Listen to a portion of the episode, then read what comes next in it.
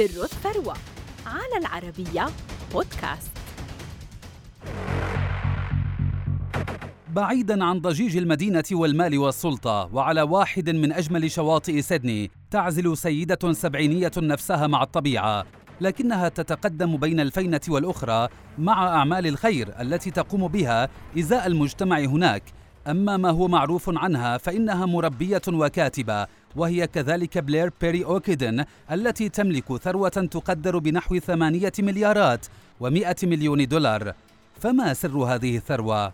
ولدت بيري أوكيدن عام 1950 في ولاية هاواي الأمريكية وتعلمت هناك في مدرسة للبنات أسستها والدتها باربرا كوكس التي كانت أغنى سيدة في هاواي وابنة جيمس إم كوكس الذي حكم الولاية لثلاث مرات وأسس تكتل كوكس انتربرايزز في عام 1898 عندما قام بشراء صحيفة ديتنز إيفنينج نيوز ثم طورها لتصبح شركة اتصالات وسيارات ووسائل إعلام.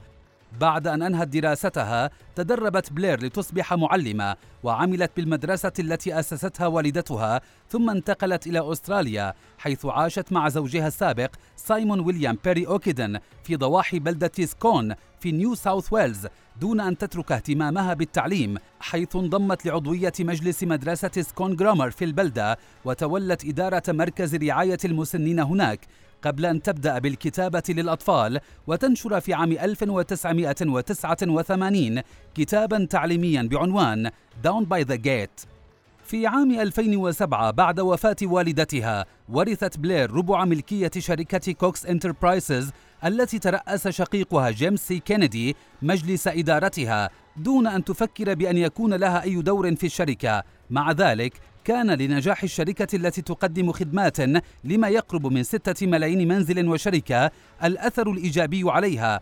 ففي مارس عام 2009 قدرت ثروتها بنحو سبعة مليارات دولار كما اعتبرت أغنى امرأة في أستراليا عام 2016 اليوم وبفضل شركة كوكس انتربرايز التي تعد ثالث أكبر مشغل للكابلات في الولايات المتحدة نمت ثروة بلير لتقدر بنحو ثمانية مليارات ومئة مليون دولار أمريكي وفقا لقائمة المليارديرات من فوربس وهي الثروة التي ساعدتها لتواصل أعمالها الخيرية والتربوية بعيدا عن الأضواء.